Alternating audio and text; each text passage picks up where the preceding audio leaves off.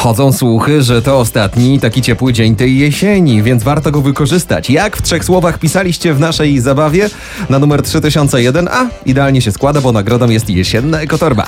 Są miłośnicy lodów. Zjeść zimne lody to jedna z odpowiedzi w trzech słowach, co można zrobić jeszcze z ciepłym dniem. Pokosić sobie trawnik. Przy okazji zrobić dużego grilla. Niewykluczone, że to już ostatnia okazja. Razem z nami Paweł już po drugiej stronie słuchawki. Witamy cię Pawełku. Paweł jest kierowcą ciężarówki. Pochwal się, co tam na pace wieziesz. Dodatek do szamponów.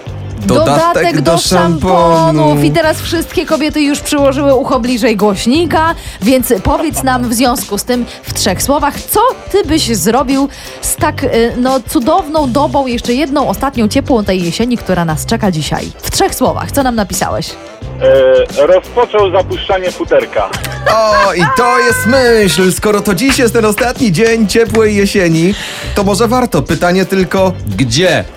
A, to już myślę, każdy sobie sam Wybierze. wybierze odpowiednie miejsce. Dokładnie. Ja nie wiem, czy wy się zorientowaliście, ale to jest odpowiedź biznesowa w jego wydaniu. On każe zapuszczać futerko, bo wozi dodatki do szamponów. To jest tak, to jest słusznie zauważyłaś.